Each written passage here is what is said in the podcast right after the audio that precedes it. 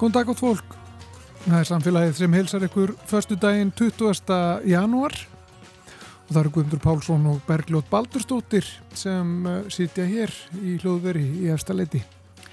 Við fjöllum um hljómflutningstæki í þættinum í dag. Eh, Dæmur um það að fólk hafi farið nýri kjallara í geimslunar og náði í gamlu stereogræðunar sínar, magnaran, plötuspilaran og stóru hátalarana og komið þeim fyrir í stofunni á nýjan leik. Vínilplatan er gengin aftur og ofan á allt þá hefur sala á geysladiskum aukist.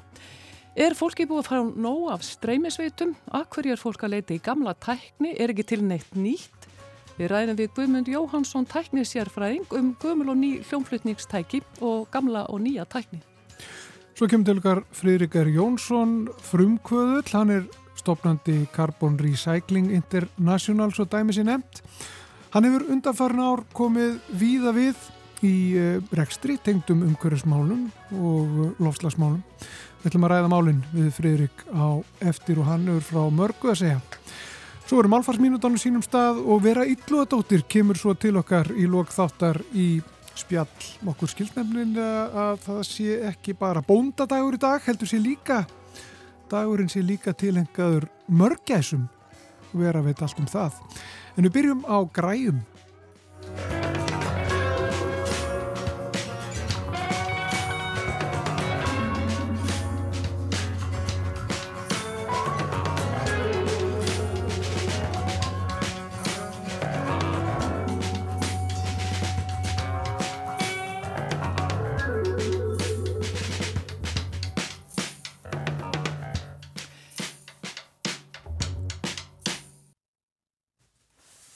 ætlum að tala um hljónflutningstæki. Guðmundur Jóhansson, tæknisjærfræðingur. Um, ég ætlaði nú kannski ekki að byrja á því að spyrja sko, hvað er eiginlega í gangi en, en við vitum alveg hvað hérna vínilplatan, hún er LP-platan eins og þetta var nú, eins og var köllu hérna áður fyrr, er vinsæl, hefur mhm. verið vinsæl en svo er það að koma einhverjum á óvart að fólk að sala á geysladiskum hefur aukist mér skilst að söngkonan Adele tengist þessu eitthvað en hvað hva veist þú um þessa aukningu á geysladiskum og, og að þessa aukningu til að bara byrja með? Já, það er alltaf rétt eins og þú segir að výlplattan hefur verið svona átt sterka endurkomu bara í nokkuð mörg ár og núna nýlega geysladiskurinn og við hættum á einnig bæta kassettan á líka smá endurkomu sem er kannski ennskrítnara en það er samt svo e, það er nokkrar svona en engin einn stór ástæði fyrir þessu, ég held að séu nokkrar, það er kannski, það er ákveði nostálgíja að fólk er að reyfi upp hérna hvernig þetta var og einmitt eins og þú talaður um að ná í gamlu tækin sín eða jáfnvel kaupa sér ný. Uh, börn og barnabörn er að fá að gramsa í geimslum foreldra og af og ömmu og skoða plötusafnu og fá að grýpa einhverja móla þaðan. Svo er það markasöflin eins og Adele og Taylor Swift og það er kannski helst Adele sem að hérna gáði plötu 2021 og hún gáði nokkra mismunandi útgáður af plötunni og uh, það var, ef ég mann rétt, það var þannig að þú keiftir hana uh, á netvestlunni Amazon, þá var platan alveg skjanna kvít, ef þú keiftir hana í Volmart í bandaríkinum var hún glær, ef þú keiftir geysladiskin í Target, þar voru aukalög sem voru hverki annar staðar fáanleg, þannig hún býr bara til svona söluvöru og þetta var það vinsælt og þau vissu raun og veru fyrirfram að þetta er það vinsælt hún og hennar plötufyrirtæki að þær fáu e, vínilverksmiður sem eftir eru í heiminum. Þær voru allar bókaðar af Adele þannig að það voru ótrúlega bygglistar hjá öðrum tónlistamönnum að gera plötu og það raun bitnaði kannski mest á minnaþægtum tónlistamönnum því að aðrir stórir tónlistamenn fengur kannski að koma bent og eftir. En á tímabili voru engar plötur framleitar í heiminum nema Adele af því það var bara verið að búa til svo stórt upplag af plötunina því þau bara vissu að þetta myndi gerast. Þetta er því svona vinsælt, en svo er annað sem er líka merkilegt og tengist auðvitað þessari tæknið þróun að, að hvernig við neytum tónlistar hefur breyst og við hefum fæst okkur yfir í streymisveitur. Það er það náttúrulega þetta sem er oft rætt um er bara það er tekjur sem tónlistamenn fá af streymisveitum. Uh, með því að kaupa vínilplötu fær tónlistamæðurinn einfallega meira í sinn vasa Þannig að það er mörg okkar eru þá að kaupa vínilblötu til að styðja við okkar listamanns við elskum og dáum og erum hrifin af og það er kannski líka tengist í að tónlistamann hefði auknumæli fyrir heimsfaraldröðu þetta haldi miklu meiri af tónleikum en svona því þar eru tekjurnar og þá eru þeir að selja bílfarmana af vínilblötum á staðnum. Þannig að þessi, þú vilt meina að þetta hafi eitthvað að gera með það að fólk vil styrkja sína tónlistamenn? Það er einn þáttur, þetta er svona margir samverkandi þættir myndi ég segja og svo náttúrulega fyrir utan nostalgínu er það það að það er kynnslóðir sem er að koma upp í dag og ólist ekki upp við vínilplötur og veit ekkert hvað þetta er. Þau er að taka ástfóstri við þennan miðil. Ef maður rifja nú upp hvað þetta var eh, erfiðu tímirauninni fyrir tónlistamenn eh, að hérna, þegar þetta streymi hófst og og það var nú þarna napster og eitthvað, eitthvað svona verða að sækja í þetta svona eh, sjóræningja útgáður og eitthvað fleira. Já. þá er eh, þetta dæmi með Adele þá verðist eins og hún hafi geta stjórnaði svolítið sko hvað fólk var, fólk var að nálgast efnið. Já sko efnið kemur auðvitað inn á alla streymisveitur en þá kemur það bara eins og það er en hún býr til eitthvað ekstra, eitthvað svona eitthvað viðhafnar útgáfu í förstu formi sem er ekki aðgengilega á streymisveitum. Eins og ég segi, þú veist, það er eitthvað spes útgáfa af vínilplötu í ákveðnum lit. Eins og ég segi, platan sem þú keftir í Volmart var glær, þannig að það sást bara í gegnum vínilin og ef þú keftir geyssladiskin í Target, það var bara auka lög lög sem voru ekki á Spotify eða Apple Music eða einhverjum streymisveitum. Þannig að þú elskar Adele og finnst þú frábær listamæður og þú, þá viltu þetta efni eða þú vilt eiga einhvern hlut. En ekki bara íta á play á Spotify og láta algrímið svo fæða þig hvað kemur sko. En er þetta þá, eins og ég segi, ef að maður spyr hvað er í gangi og þú nefndir hann að nostalgíu, þannig að það er náttúrulega ekki allir sem get verið með nostalgíuna því að unga Nei. fólki er kannski ekki, kannski ekki eftir þessu. Nei. En er einhver svona sálfræði í þessu? Er fólk að orðið leitt á þessu streymi sem er náttúrulega margir með í símanu sínum og svo trubluna því þegar símin ringir og og svo er þessi bluetooth hátalarar alltaf að dett út og eitthvað ég meina, ok, ég, það var svona eitthvað þreytumerki hjá mér sem mátti greina en eru fleiri svona? Sko, það er sérst, já, það er, það er kannski þreita gagvart því að láta fæð okkur svona endalust af einhverju algrími og þetta endalust upplýsingar og áreiti og þetta er bara af internetinu og bara tækninni í heilsinni. Þannig að tökum við kannski svona skref tilbaka og förum í annan heim sem er handvirkur og rólegur og bara hliðrætt, hann er ekki stafrætt þannig að það er einhvern veginn líka bara svona, og það er sérstaklega talað um í heimsfaraldrinum, bæði Breitlandi og Bandarækjunum þess að fólk var mikið til heima þá fóri mitt fólk nýri geimslu og náði gömlu tækinu og var svona að dunda sér einfallega að hafa ofana fyrir sér. Og svo náttúrulega er kannski eitthvað svona þægileg tilfinning að halda á vínilplötu. Þú þart að standa upp og snú yfir hlið B þegar hérna, alliðin er búinn þú heyri svona snark í nálinni og það kannski reyka á plötunni þú veist, þið tengi við þetta sem ég er að segja en það, það auðvitað er svo ekki á geisladísnum sem er líka í einhvers konar endurkomu og það er það sama, það er kannski svolítið mikið til keirt áfram á markasöflum í raun og veru uh, og svo náttúrulega líka er kannski Eh, heita kartaflan hérna inni er að svo að fara að tala um hvort að hljómplötur, vínilplötur séu betri heldur en geisladiskar eða streymisveitur þegar það kemur að hljómgeðum. Já, það var mitt næsta spurning á mér. Sko, ef við tökum þessa þrjá, mög, þessa þrjá möguleika, vínilplötuna, geisladiskin og streymið, mm. ok, hvað, eh, hvað er best? Uh, það fer svo litið eftir keðjunu sem þú ert að vinna í. Gegnum hvað og úr hverju ertu að hlusta. Það er ekkert eitt rétt svar og ég geti farið mjög djúftæknilega en ég hlýfi ykkur og hlustundu við því. En þetta snýstur veru um hvernig við hlustum og njótum tónlistar. Og ég man bara þegar ég var krakki þá satt maðurinn í stofi fyrir framann risastórar grægur fóreldra minna með risastór hernatól með hérna, hérna snúru svona, hérna, snúinni snúru og maður heyrði ekki svolítið allt.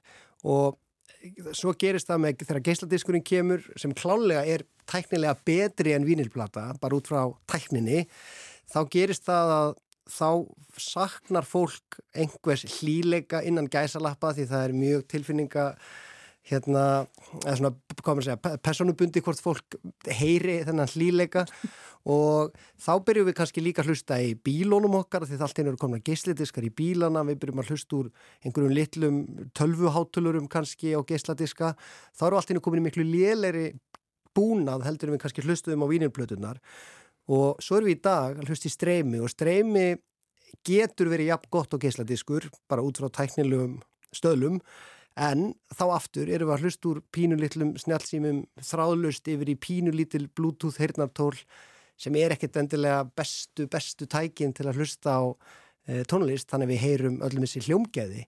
Alls ekki, þannig raun og veru væri best ef við ætlum að njóta tónlistar eins og e, hún var tekin upp og búin til á þeim sem byggana til þá ættum við að vera með allt snúrutengt og svona vera með ágætis græjur í raun og veru því að það væri best en svo skiptir þetta kannski ekkit öllu máli.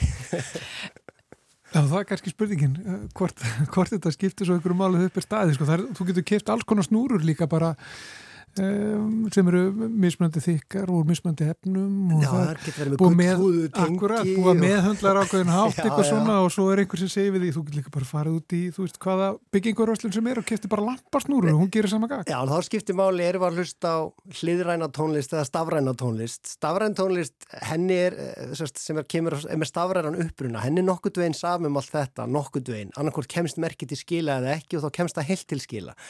En ef þú ert að hlusta hliðrænt efni eins og þá vínilplötu, þá er keðjan talsvert, talsvert mikilvægri og við sjáum það bara ef við löpum inn í hljónflutningsveslanir og ætlum að kaupa alvöru búnað fyrir svona hliðræna hlustun þá er það búnaður sem kostar mjög mikið. Og ég, ég hef oft sagt að við konuna mín að veist, það er eiginlega ekki til dýrara áhugamál, það er kannski lagsveði og svo að vera, hafa áhuga á hljóði sko.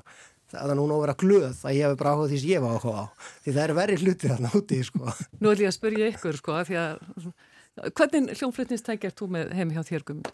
Ég ætla ekki nefnilega tegundir. Nei, Ég er nei, þú má það ekki Ég er með bara- magnara og, og sjálfur. Magnara og blötuspilara og svo er ég með um, leið til þess að spila í gegnum bluetooth líka í, en ég er með hátalara sem eru tengdi með snúru. En þú? Ég er með plötuspilara sem er tengdur í stóran snjall hátalara sem er með formagnara, þannig ég þarf ekki magnara. En þú veist, þetta er alls konar svona og svo get ég látið tónlistina úr plötuspilaranum heyrast ekki bara úr þeim hátalara heldur streymt yfir í aðra hátalara heima og svona næ ekkert neina samin að hinn hlýðrana og stafrana heim. En ég oftast hlusta nú bara úr sem eina hátalara sem er inn í stofu hliðin á plötuspilaranum og það er bara afskaplega ljúft. En svo er annað sem er áhugavert sem ég var að skoða með vínilplötuna uh, Vínilplötur sem eru gamlar eru bara oftast teknar upp hliðrænt í hliðrænum heimi á einhver 8, 12, 16 ára ása tæki og bara þessar gömlu góðu plötur sem við öll þekkjum. Plötur í dag, nýjar, eru mjög oft ekki, sagt, þeir verða að gefa þær út aftur, sem sagt, bara að pressa nýjar plötur sem eru uppseldar af, af, af, frá gamla, tímanum. Þær eru ekki, sagt, pressaðar af gömlu masterónum, af gömlu upprjónulegu upptökunum. Að þær finnast stundum ekki eða eru hérna ónýtar eða hafa verið seldar einhver tíman til einhver safnara þannig að þá er verið að nota upprunalegu tökurnar sem voru eða masterana sem voru nota allavega við að búa til geisladiskana. Þannig að hlýðræni hlýi heimurinn er horfin og við erum komin úr, við erum að taka þá stafrænan, stafrænan hlut og tróðunum í hlýðrænan hlut.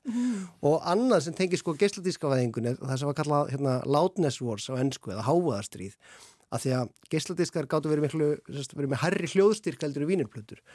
Og þetta var eitthvað sem var gert mjög mikið svona þegar geisladiskurum var aðeins farin af stað. Ég held að Metallica hafi, hafi þessa slæmu þróun og öll, allir aðri tónlistamenn fylgdu á eftir. Það er einhverja bara að stilla allt í botn á geisladiskunum. bara upp í 11 Upp í 11 eins og Spinal Tap, já, upp í 11. En það, það sem gerist þá er að þá tapast svona ímið smáadriði og annað því að þú bara fyllir allar ásir og allar tíðnir af háaða e, og svo nú er þá verið að taka þær upptökur eða þann, já, hlut og setja hann yfir á vínil.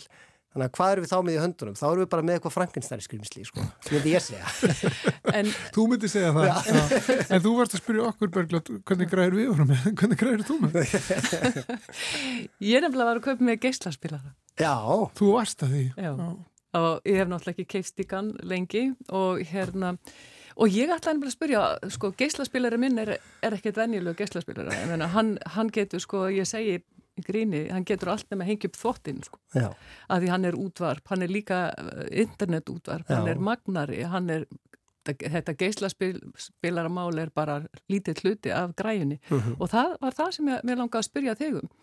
Ég með, er, hva, hverjar eru tækni framfæriðnar, ég meina, er, ef ég fer og kaupi mér plötuspilara sem ég er að fara að gera líka því Já. ég fann ekki minn gamla í geimslunni Já, var hann ekki partur af geistaspilar Nei, að um, eh, ef að ég kaupi mér núna plötuspilara, er hann bara eins og plötuspilararnir voru í gamla þetta, er ekkert ný, nýtt í honum, engin ný tækni, ekkert smart nýtt í honum. Sko, plötuspilar hafa mjög, og vínilplatan og plötuspilar hafa mjög lítið þróast, en þau hafa þó, eða þess, spilarinn hefur þó einhvað þróast og það er kannski aðalega bara með því að það er hægt að taka einhverja hluti og gera það á minni. auðvitað er hérna beltið og, og svona þessir hlutir sem þarf að spila af þessum fasta hlut sem platan er í sinni förstu stærð, þeir minga ekki það breytast en svona tækið getur minkað að einhverju leiti og það eru þetta til hérna svona einhver mætti segja sem er bara einhver fagfræði kemur raunur ekkert að afspiljurunni í sjálfur sér. Eh, það hefur eiginlega ekkert breyst og er bara eins og það var. Eh, en þeir eru bara með gamla analóg tækni sem var eiginlega glemt sko en er núna að koma aftur. En það er sprótafyrirtæki í Östuríki sem á engalega ásast að hátja vínil háskerpu vínil og hann er með betri hljómgæði og þú getur komið 30% meira efni á vínilin og þá er bara notaðar nútíma framleyslaðaferðir þannig að upptakan úr stúdíónu er tekin, hún er færði yfir í, í tölvu og það er búið til svona þrývítar kort í raun og veru af hvernig, að, hvernig best að koma þessu á vínilin og svo er þetta sett á vínilin bara með betri tækni en hefur alltaf verið notuð mm. og það er notaður leysigenslar til að brenna þetta raun og veru í vínilin. Það er kannski næsta skref þegar það einhvern tíma gerist og þetta virkar á öllum eldri plötuspilurum sem er gott því annars væri það mjög mikil hraðahindrin í upptöku og svona tækni. Eða allir þurft að skipta eða öll þurftum að skipta út plötuspilurunum okkar. Þess þarf ekki sem er mjög stór pluss en það tekur einhver árvæntalega fyrir svona að koma svona almenlega í nótkunn og í virkni en það það bara einhver eins og Adele eða Taylor Swift að gefa út plötu í, þessum, með þessum hætti og þá kannski nærið einhverju flugi. Það er svona eina sem ég veit um þegar að snýra vínirplötun og, og geisladiskum því að það er náttúrulega í raun og veru svolítið stóru tæknifyrirtækin sem hafa stýrt þessari þróun bara með sínum stremisveitum. Það er þá Apple og Spotify og Google og Tidal og hvað þessi fyrirtæki heita og þau auðvitað tala mikið um háskerpu að auka gæðin og þau geta raun og veru gert það bara með því að setja uh, herri, hvað segir maður, hækka bitaströmin sem að hérna tónlistin getur haft en það aftur á móti týnist allt þegar við byrjum svo bara að hlusta á hátjatónlist í pínu litlu, pínu litlu bluetooth hernatólunum okkar því að þau ráða ekkit við þetta. Mm -hmm. Við raun og veru erða þannig ef, ef maður ætlar að hlusta streymisveitu og njóta mestu mögulegur hljómgeða þá ættir maður að vera með hernatólamagnara fyrir snúrutengt hernatól en ekki nota bluetooth. Já. Svo er þetta náttúrulega eirun skipta líka máli. Eirun skipta líka máli. Það hafa verið mjög gerðar, reyndar áhugverð, það hafa verið gerað mjög marga rannsóknir á því að láta þess að fólk hlusta á hljómdæmi sem er í mismunandi hljómgæðum og það er eiginlega alltaf í þessum rannsóknum niðurstaðan svo sama að við hýrum eiginlega engan mun sko. Mm -hmm. á lélu og góðu sko. Já, það er bara svolítið þannig. það stoppar svolítið líka bara á, á okkur sjálfum fyrir uppi staði held... en þú getur horta á það og, og hérna, þú getur horta á, á þú getur líka horta á tónlist sko. Þetta, algjörlega, algjörlega. En, og, og ef þeir eru sagt að hún sé ákveðnu formi þá Já. kannski gerir það eitthvað fyrir þið líka. Já, algjörlega.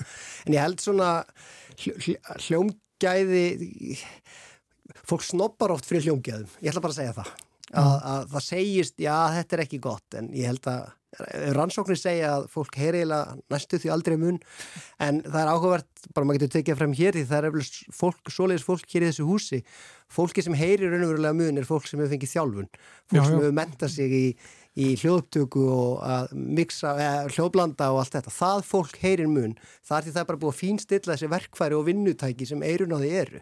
Vissulega og það var bara, bara svo ég segi frá því, þá var ég hérna frammi fyrir í dag og það voru tveir menn mjög, með mjög þjálfuð eiru að tala saman um flíl sem er til hér í bænum sko uh, og um, þeir voru svona að bera saman við annan flíl sem að hérna er líka notaður á sama stað og það er heyrðu munin og þeir gáttu greint svona munin og ég er ekki alveg sattuð hvernig þetta skilaði sér einhvern veginn á upptöku og svona þannig að fagmenn. þetta eru fagmenn Já. Já, þarna skipta eirun máli Ef við svona aðeins bara tökum þetta saman að er þetta þá þann, þannig að það, tónlistamenninni geta haft áhrif á uh, framlegsla á þessum uh, græjum og, og svona uh -huh. uh, en þessi reyfing er enn að vaksa að sagt, þetta aftur hvarf til hvað kallaði þetta í erlendum grei, greinum hérna einhvað snertanlega miðla Já, það eru áþreifanlega Já, áþreifanlega, eitthvað svo leiðis Já, það eru þetta og maður, ég get bara sagt það fyrir sjálf á mig það er og, og því ég kaupi reglulega plötur, ég kaupi alltaf plötur frá þeim tónlistabennum sem ég,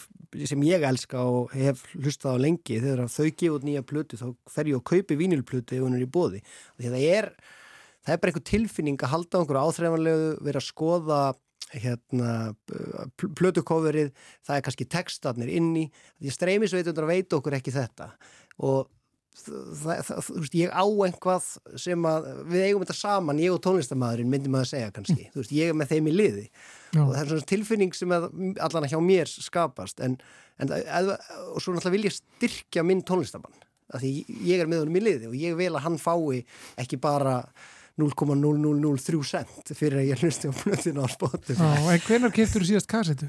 Þær eru reynda líka að hækka, eða sérst fjölga í sölutölum en ég á ekkert kassetutæki og ég á ekki geislaspilara þannig að það er pínu snúið sko. Já, og það er kannski ekki alveg besta formið þegar hvað? Nei, kassetur eru ekki gott form, ég held að þær, þó þær séu vissulega að seljast meira en þær hafa gert, þá held ég að þær, hef ekki segjað að séu búin að ná þakkinu.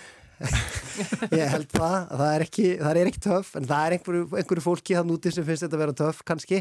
En svo er það nú bara þannig að ég held ég að þetta að hérna, sá það í einhverju grein að hérna, vínilplutur seldust í fyrra meira heldur en geisladiskar og það er í fyrsta skipti síðan 1987 og þá var Rick Astley á tóknum sko Já Never gonna give you up Já. Það er mjög langt síðan Þau, kærar takkir fyrir að koma til okkar Guðmundur Jóhansson, tækni sérfræðingur og fræði okkar aðeins um þetta. Takk fyrir mig. Hlustum að Adel, nema hvað.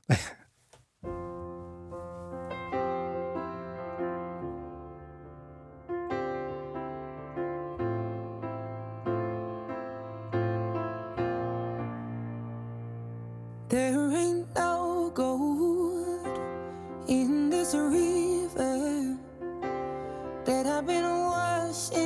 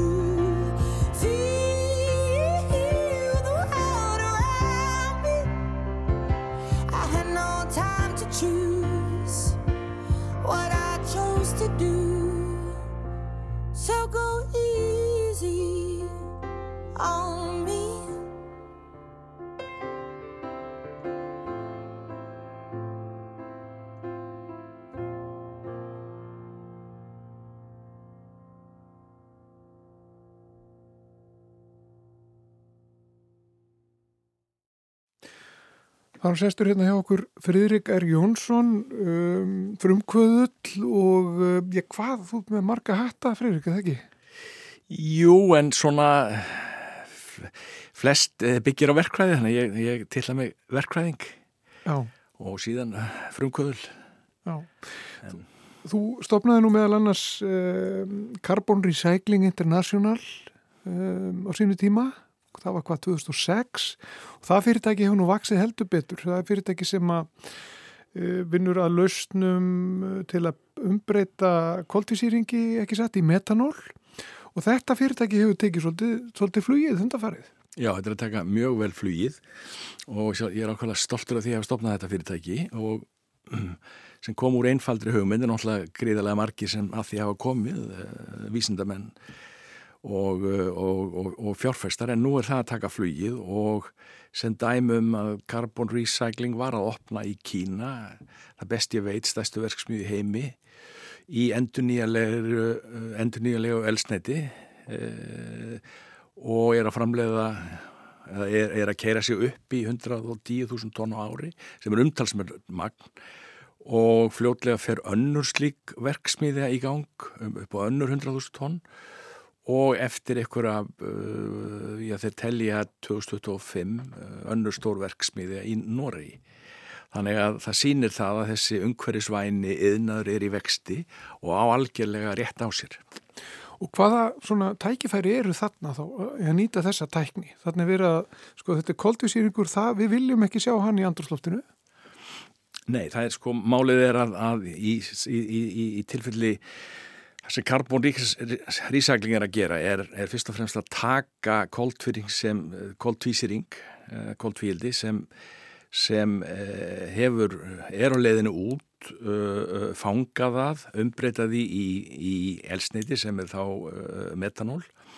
Og það má segja að þetta elsneiti sé þá svo kallað kólefnis hlutlust versus ólíja sem er að sleppa kólefni beint út í heiminn en þetta er ekki mengunarlaust per se, það sýnir bara hvað, hvað, hvað elsneiti er, er, er erfitt við, viðregnar en, en, en þetta er mun betri laust heldur en að dæla beint upp úr jörðinni. Já, en, en eru frekari tækifæri þarna? Er, er, eru tækifæri til að, beistla koltvísýring bara úr alls konar yðnaði eða karbónisekling var með uh, versmiðu í við Svarsengi ekki satt, þar sem að var fangað þar sem að kom upp, upp úr jörðinni þar? Jú, það er, það, það var sem fangað afgangsgas sem kom úr, kom úr, úr, úr, úr vinslunni hjá, hjá Hittaviti Suðunesja og, og, og það sem er raun og veru mun gerast á næstu árum er að fyrirtæki eins og álverinn og fleiri fyrirtæki verði skikku, það verður sett verðmiði á útblásturinn þegar að hann er komin að þá er, er, er koma fyrirtæki eins og Carbon Recycling að því að taka þessa ströyma umbreyta þeim og, og breyta þeim í elsniti eða eins og hinn fyrirtæki sem er að vinna eins og Carbfix og fleiri þá taka við þennan ströym og, og binda hann við jörðina og gera hann, gera hann hættulösa þannig að þannig er að myndast sem betur fer mjög stór uh, yðnaður, nýr yðnaður og ég er ákvæmlega stoltur af því að þannig er Íslendingar að, að, að, að komður á svið sem svona fremstir í heimi á í þessum, þessum gera. Já, ef við, ef við leggjum núna karbónisækling til liðar, þú, þú hefur, þú seldir nú þinn hlut í því fyrirtæki ekki satt? Jú, sem er rétt. Og fórst að einbeta þér að öðru en, en samt svona, já, tæknilegu málum sem að varða lofslagið og, og umhverfismál. Já, það sem svona, ég svona hef, hef svona helga mig lausnum á þessu sviði og það sem mestur tími fer í hjá mér er að þróa pappirsflösku, eða flösku úr, úr, úr, úr pappir og eða landbúnaðarstráum, það er að segja, það er að segja því sem fellur til úr landbúnaði. Og við erum konir ansið langt með að, að geta búið til pappisflösku og sem er algjörlega úr náttúrulegum efnum um, og, og hérna fer eftir notkun beint í pappis uh, úrvinnsluströymin og í tilfelli sóðana sem hendaðis út í náttúruna þá hverfur hún bara þar á örfáum vikum og það er engin, engin uh, ónáttúrulega efni tengt þessari flösku og við erum konið mjög la- langt með þetta, að eyða í þetta miklum tíma. Og, og hvað er þið konið langt með þetta? Er, ertu búin að, hefur þú drukkið úr svona flösku? Í, ég, sko, já, já, við, sko, uh, uh, uh, eitt, sko, það, það voru bara að segja þess að vera að, að, góstreikja framlegandi Pepsi hefur fjármagnið þetta verkefni ynga til og við erum komnir með mjög fína pappisflösku en hún er ekki samt ekki tilbúin á, á, á markaðin og það er ákveðni gallar í henni sem, sem við erum að reyna að leysa og svo erum við sjálfur með okkar eigin útgáfu af pappisflösku sem við teljum að, að við getum klárað á þessu ári og, og hérna og farið að kynna fyrir markanum. Því að plastflaskan er alveg gríðalegur mengunavaldur. Já, við höfum nú séð svona ímsa tilrönni til þess einmitt að, að nýta þær á, á annan hátt og, og svona breyta þeim í, í eitthvað annað. Það hefur gengið mjög svel. Já, það gengur í raun og veru held ég raun og veru, það er bara öllítið brot af plastflöskum sem eru endurunnar og, og, og svo uh, mjög mikill hluti eða, eða allavega stór hluti alltaf stór hluti endar, endar út í náttúrunni og er að tröfla allt lífríkið. Já. Það er fleira sem þú ert að, að vinna í ekki satt. Það er mér að benda það að þú værir að vinna í, eh, hvernig orða maður það, endurheimt eh, á eðimörkum eða að koma í veg fyrir eðimörkur myndun. Já, er, eh, þetta er líka mjög skemmtilegt verkefni sem ég er að vinna með hollenskum aðlum og þetta er ekki mín uppfinning, þetta er, þetta er hollensk uppfinning sem byggir á því að, að hollenskur aðili e, bjóð til ákveðin plastkassa sem hann, sem hann, sem hann eh, stingur onni í eðimörkina og setur græðling í miðju hans og í þessum kassa er ákveðin vaskamtari sem beinir uh, drópateljara að rótum plöntunar og hvað gerir planta sem á uh, sér að það er að koma nóg vatn? Hún segir, heyrðu, það er miklu meira vatn fyrir neðan, ég ætla bara að spýti í fara ennþá neðar og plöntur geta uh, uh, rætur geta geta vaksið alltaf sko tomma á dag ef að, að skilirinn eru rétt. Og þá kemur í ljós að, að það er nægt vatn í heiminum þar að segja undir yfirborði e, jarðar er gríðalegur vassforði og það eru flestum stöðum kannski 2 metrar, 4 metrar, 8 metrar. Og sömu stöðum er það miklu lengra en svona flestum þéttbílistöðum er nægt vatn. Það er bara maðurinn er búin að eiðilegja plöntunar fyrir ofan. Og með þessari lausn er mjög auðvelt að græða upp eðimerkur og, og, og, og uppblásin svæði og hérna og náttúran síðan uh, fer bara að fungera á sinn uh, vanalega hátt þegar plöntnar er konanir í jarvegin. Á hverju ég kem að þess er að, er að þessi maður baðum að átta sig á því að þessi plastkassar voru til trafala og mjög ljótir í náttúrunni. Og þá kemur hann til mín og ég kemur löst til þess að móta þetta úr pappir þannig að kassin, hann þarf að endast ákveðna mánuði, 6 til 9 mánuði og leysi svo bara upp í, í jarðvegnum og sést ekkit meira á honum. Þannig að þetta er, og við erum að fá gríðarlega aðtegli e, fyrir þetta verkefni og einu svona rétt að komast í gang með fyrstu framlýslu línuna og sem lofar mjög góðu að við getum selt þetta e, mjög víðam heim. Já, og svo ertu líka eitthvað að skoða vettni eða hvað? Já, svo, svo fyrir algjörða tilvílu þá var mér bóðið að taka þátt í þátt í vettnisverkefni og meira út af reynsluminni frá, frá uh, fyrri verkefnum heldur en að frekar en ég væri að, að, að, að í, í, í þróunni sjálfri og, og, og þú veist eins og með, með sko uh, áþróðaði vísindamenn að oft, oft gangaðir á ekki, blessaðir og, og, og þurfa þá þess að held ekki jarbundari menn með sér. Og það er þannig sem ég komst inn í þetta verkefni og það er að lofa mjög góður að, að við erum að, að ætlum okkur að vera óteirasti vettnisframlegandi í heiminum og það er að skila sér mjög hratt út í bandaríkjunum og Fraklandi. Þetta er, er þetta ekki alltaf hálegt markmið að vera óteirasti vettnisframlegandi? Jú, vettni er sko mjög dýrt í dag og, og, og, og erfitt viðregnar og, og þessi löst sem em, við erum með þarna, hún er, er við erum búin að sanna það að þetta er ótrúista löstin sem, sem til er í dag en það er mjög margir að vinna á þessu sviði og kemur bara í ljós hver verður ofan á, hvers tækni verður, verður best. Já. Hvaðan kemur þessi áhugið þinn á, á umhverfismálum og að, að bara helga þig þeim í rauninni og beita uh, þinni þekkingu og, og þínum mikla áhuga og reynslu í, í, í þá umhverfisins?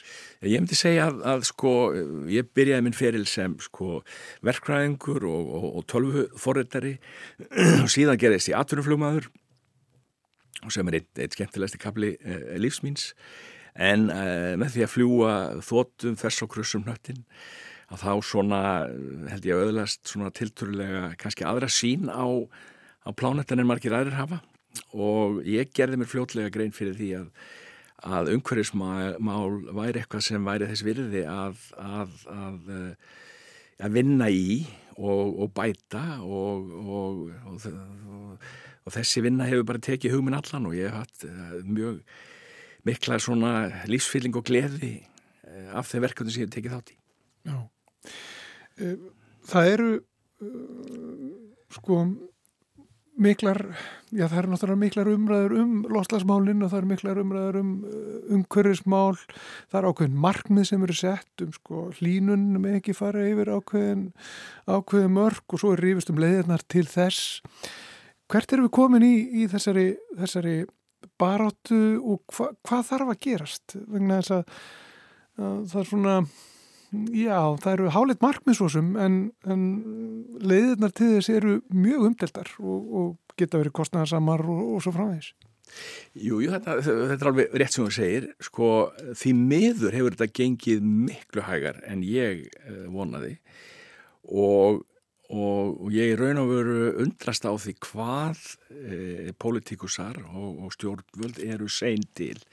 Því að, að, því að staðan er miklu alvarlegri en að, að mínumati miklu alvarlegri en pressan og aðrir er að gefa í skinn og, og, og það sem ég kannski er og, og, þá kem ég kannski að grunn rótum þessa máls er að mér finnst, þetta er mín persónuleg skoðun og og það eru, hún er, hún er svo að hagfræðin hefur brugðist okkur, það er að segja hagfræði samfélagið, þá er ég að tala um sko vísindarsamfélagið í, eða fræðarsamfélagið, að þeir hafa brugðist okkur í því að gefa okkur ekki uh, hagfræðimódel sem virka í, uh, í harmoníu við mannin og náttúruna. Og, og, og það er alltof, uh, hefur viðgengist alltof lengi að ég segi ekki að, að öll fyrirtæki en sum fyrirtæki þau ná að svindla sig ekki hennu lífi þar að segja þau borgi ekki afleðingar gjörða sinna. Eh, við þekkjum allir tópasiðina sem komst hjá því í áratugi að, að, að, að greið eitthvað fyrir, fyrir sína starfsemi og loksis sem betur fer byrjaði sagt, réttarferði í bandaríkjunum að Að, að, að, að vinna á þeim og, og, og smá saman tókst að, að fanga þeirra, þeirra vinnu í raun og veru. Og það sama ávið um mjög marga yðnaði að gera og, og það er náttúrulega sem mér finnst eh, að hagfræði samfélagi að gera er, er að hanna nútímalegri mótel og eftir hverjum löggefin síðan setur, setur uh, lög og reglur þannig að samfélagið, náttúran virki í, í harmoníu við, við, við plánutuna. Nú oft tölum við um ringrásarhagkerfi og grænhagkerfi og, og þess að er, þetta ekki, er þetta bara ekki nóg? Þar, þar erum við að tala bara um, er þetta að tala um að þau eru bara að bylta hagkerfum heimsins bara já, já, það er mín skoðun, mín persónulega skoðun. Ég held við getum ekki haldið svona áfram vegna þess að öfgar í veður fari uppblæstri fólksfjölda flottamannaströymi það eru, eru bara orðna svo stórar að við verðum að taka á þessu það, það þýðir ekki að stinga hausnum í sandin Og byrjar þetta í pólitíkinni? Byrjar í ég myndi segja tveimur áttum, er sem fræðarsamfélagi þarf að koma upp með betri, betri mótel og náttúrulega stjórnmálakerfið þarf að, þarf að eða lögjafinn sjálfur þarf að, að, að, taka sér taki og, og setja lög og reglur sem, sem virka. Þú ert með þessi játn í eldinum sem við erum búin að fara yfir hér og þau eru fjölbreytt. Er fleira? Er fleiri pípunum? Já, ég minna, þetta er sjálfsveit allt tengt sko. Vassflaskan er tengt. Við erum líka að vinna fiskkassa, þannig fyrir þá íslenskt, íslenskan fiskina. Við erum að, við erum að reyna að, að þróa nýjan. Sko, í Íslandir eru gríðarlega stór notandi á fröðplastkossum sem eru mjög, mjög mingandi afurð og þú sér þetta alls þar í höfnum og uppskipunarhöfnum uh, hvað fröðplasti er, er, er, er komið út um allt og við teljum að við getum steift svona kassa úr, úr, úr endurvinnarlegum uh, hérna uh, endurvinnarlegu efni og, og gertan vassheldan en þetta, þetta er mikil þrónakostnaði sem, sem, sem, sem við erum að leggja þetta og, og annað sem við erum að líka að að, að, að hugsa um er að, er til dæmis duftker og fleiri sem fer onni í jörðina að búa það til úr, uh, úr afgangspappir og jafnvel líkistur úr, úr slíku. Það er svona um, eitt af þeim verkefni sem við erum að vinna. Já, bara að því þú, kannski svona í lokin, þú nefndir áðan um, hagkerfin og, og kannski markaðina eða hvað og, og fyrirtækin, þurfa fyrirtækin, þarf aðtunlífið að koma inn af, af meiri krafti? Já, að, sko, það, það, þetta er góðu punktur. Sko, uh, þeir skiptast alveg í tvo hópa sem ég tala við. Sumi líta á allt sem, uh, þetta græna er sem kostnað. Nei, græna hækjur er tækifæri og það er gríðalegt viðskiptatækifæri framundan fyrir hinn kapitaliska heim og það er mikið fjármagn á hliðalínu sem er að leita inn í þennan, þennan geira. Þannig að ég líti á, á, á, á umbreytingu yðnaðar sem tækifæri ekki sem einhverja kostnæða skam. Gótt að ljúka þessu bara á þessum nótum Friðrikar Jónsson uh, verkfræðingur, uh, frumkvöðl og margt fleira. Og já, þá má kannski benda á það svona rétt í lókin að um, þú ert að fara að tala á, á rástefnu, það er janúar rástefna festu sem fer fram á, á Hildón Nordica núna 27. januar. Já, ég er mjög þekkláttur að hafa, hafa sjálf sem fengið tækifæri og, og, og fengið að kynast þar mjög fínu fólki, hugssjónafólki e, sem er fullt af jákvæðum ströymum og vilja gera betur og, og ég ætla að segja svona frá minni reynslu e, úr þessum geira og raun og veru, markmið er í raun og veru að stappa stálinu í ung fólk sem er að fara inn í atvinnulífið og, og, og, og segja því að gera betur. En fyrir, eh, gaman að fá þið heimsókn. Takk fyrir að koma. Og takk fyrir að hafa mig.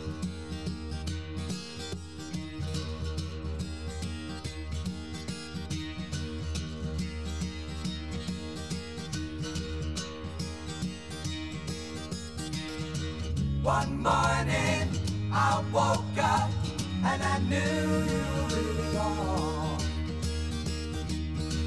A new day, a new way, and new eyes to see it all. Go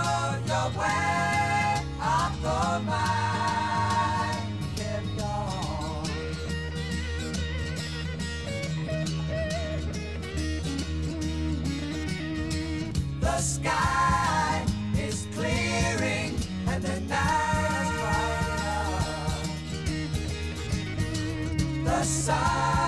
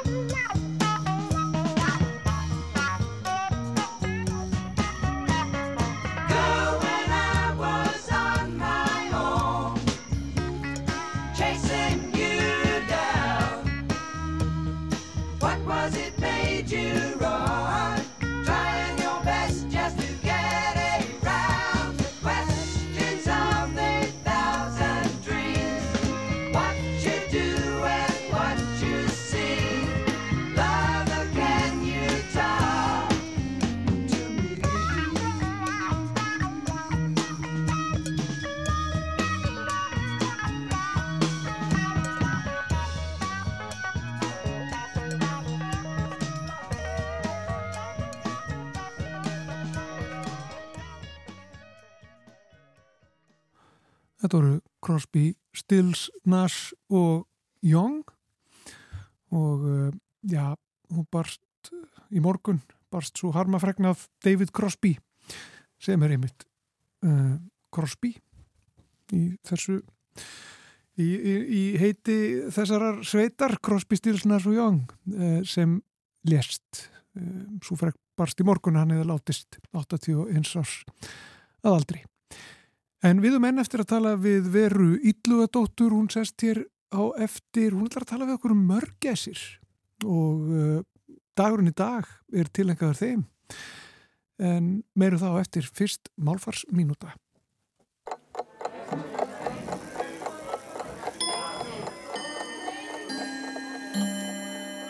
Mörgum finnst orðið mím sérkennilegt og óíslenskulegt og hafa viljað finna íslenskt orð yfir þetta fyrirbæri sem talið er vera nýjung. En hvaðan kemur orðið mím? Í grein í The New York Times er greint frá því að franska orðið mem, sem merkir sama, hafi verið notað 60 sinnum í krosskátu þessa virta dagblads frá því á 5. áratögnum. Orðið var þó ekki skilgreint sem hugtak fyrir 1976.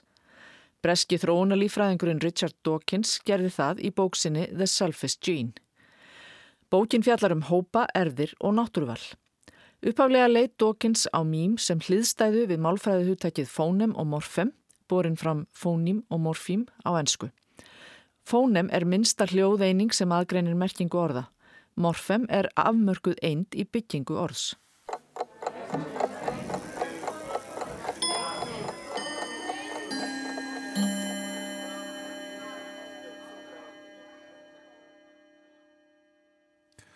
Og það var Anna Sigriður Þráinsdóttir sem að flutt okkur málfarsmínútu. En hinga er komin vera Ylluadóttir það er sko bóndadagur í dag vera. Við ætlum, ekki, við ætlum alls ekki að tala um, um það. Uh, við ætlum að tala um uh, annan já, annað tilemni sem að, sem að er helga þessum degi. Já, 20. janúar er uh, já Dagur vitundarvakningar eh, um mörgæsir, uh, við má orða það þannig, heitir á ennsku Penguin Awareness eh, Day og uh, haldið upp á um, um heim allan en það eru að vísu tveir dagar í uh, dagatalinu sem að tilengaðir eru mörgæsum. Það er líka til sem sé alþjóða mörgæsa dagurinn, International Penguin Day. Hann er 25. apríl og ég grúskaði nú svona aðeins í þessu og mér hefur ekki tekist að finna út nákvæmlega svona hverju munurinn á þessum dögum eða, eða En auðvitað fyllilega ástæða til að halda upp á tvo daga sérstaklega tilengaða þessum mögnuðu fugglum mörgæsum. En um, má kannski segja að, þessi dagur vitundavakningar um, um mörgæsir það sé lögð ákveðin áhersla á auðvitað það að, að eins og með fleiri dýrategundir þá eru margar mörgæsategundir eh, í hættu vegna, vegna hlínunar jarðar og lofslagsbreytinga og meiri hluti mörgæsategunda er í eh, einhvers konar hættu eh, skilgreint sem í útrymmingarhættu eða þá viðkvæm tegund og flestum mörgæsategundum fer fækandi út í, út í náttúrunni. En uh, mörgæsir eru, jú, ótrúlega uh, skemmtileg dýr og uh, mörgæsafræðingar þeir eru, víst ekki alveg sammála um það hvað eru margar tegundir af mörgæsum. Það talaðum á bilinu 17 til 20 og það fer eftir því hvernig maður skilgreinir einhverjar ákveðnar mörgæsir, hvort þær séu teljist vera sérstök tegund eða, eða, eða, eða undirtegund af, af öðrum. En uh, ég fann á vísindavefnum lista yfir uh, mörgjasa tegundir á íslensku sem er mjög skemmtilegt og þar er, þar er sem sé reiknað með 17 tegundum og ég hugsað mér að lesa bara upp þær mörgjasa tegundir sem, a, sem að til eru. Og það er aðalsmörgjæs, uh, gleraugnamörgjæsin, hettumörgjæs, uh, keisaramörgjæs, viðfræk, kampumörgjæs, skúfmörgjæs, galapagosmörgjæs, astnamörgjæs, uh, ég sem heitir vist astnamörgjæs vegna þess að svona gargkennar þykir minna á uh, dýrið astna, ekki vegna þess að hún sé eitthvað, eitthvað sérstaklega vitgrönn. Humboldt-mörgjæs, konungsmörgjæs, uh, dvergmörgjæsin sem er minsta mörgjæsa tegundin, heitir bara Little Penguin á, á ennsku, ekkert verið að flækja þetta. Uh, Klappamörgæs, Magellanmörgæs, Klettahoppari, Látramörgæs, uh, Snörumörgæs og Gulaugna-mörgæs. Þetta eru svona þær, þær tegundir sem að, sem að vísindavefurinn alltjönd viðir kennir sem sérstakar mörgæsategundir. Já, og allar þessar mörgæsategundir heita eitthvað mörgæs nema klettahoppa. Já, hann heitir að vísu Rockhopper uh, Penguin á, á ennsku, þannig að það er haft með í enska, uh, Já. enska tillinum en, en, en virkilega flott, flott nafn á, á, á þeirri mörgæs. Já. En uh, já, síðan eru Er eitthvað að vita hvað er þessar, allar þessar mörgæsir eru búsett?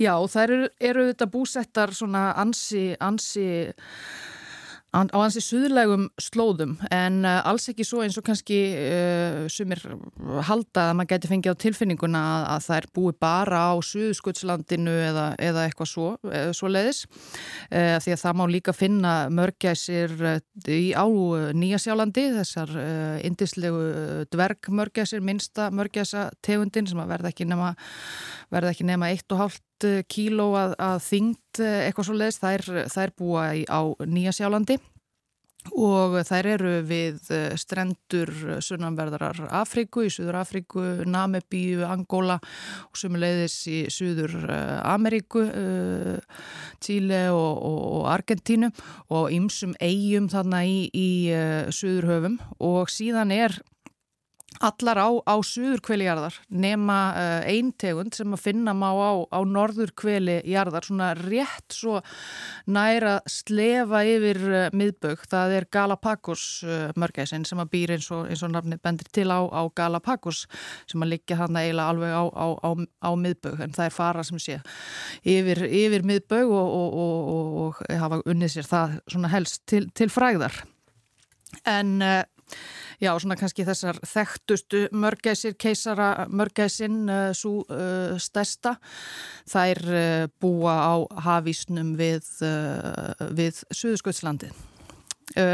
Talandi um, um stærð þeirra, þær eru já, uh, ansi stórar, uh, verða alltaf 45 kíló að þyngd, 120 cm háar eitthvað svo leiðis, en hér á árum áður voru til ennþá stærri mörgæsategundir sem að leiðinlegt að hafi, hafi dáið út.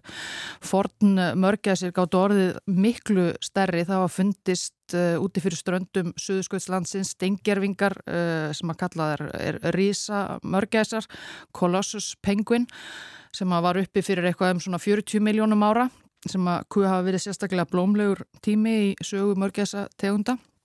Og þær urðu eitthvað á bylinu 150 cm til alltaf jável 2 metra háar og, og, og 100 Já. og eitthvað kíló þannig að svona alvöru, alvöru hlungur og það hefur nú verið gaman að geta rekist á, á, á slíka mörgæs í, í dag en því miður dóu þær út og, ýmsar svona stærri tegundir sem, a, sem að hafa verið uppi.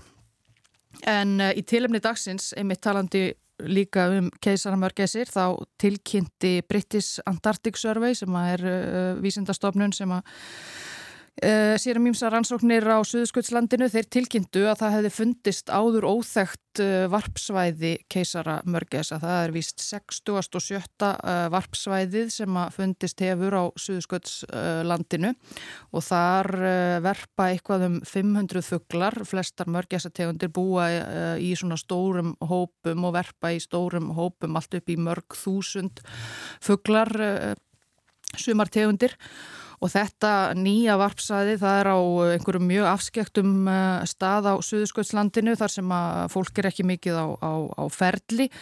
En uh, vísindamenn sem sé finna þessi varpsvæði mörgæsa uh, með þeim hætti að skoða uh, gerfi natta myndir. og það er aðalega kúkur úr mörgæsunum sem, sem að bendir til þess hvar þær er að, hvar þær er að finna því að hann svona einhvern veginn brútn á lit sérst vel í, í, í- í snjónum. Þannig að þannig Þannig sikta vísindamenn eh, í dag út, út varpsvæði mörgæsa án þess að þurfa að vera arka um Suðurskjöldslandið. En þetta er þetta, mikil uh, gleði frétt fyrir keisara mörgæsir að, að þessi, þetta hafi, varpsvæði hafi fundist en uh, auðvitað einnig bent á það í þessum fréttum að uh, já, það er mikil ógn sem að stæðja að keisara mörgæsum uh, eftir því sem að það hlínar og, og heimkynni þeirra fara bráðnandi.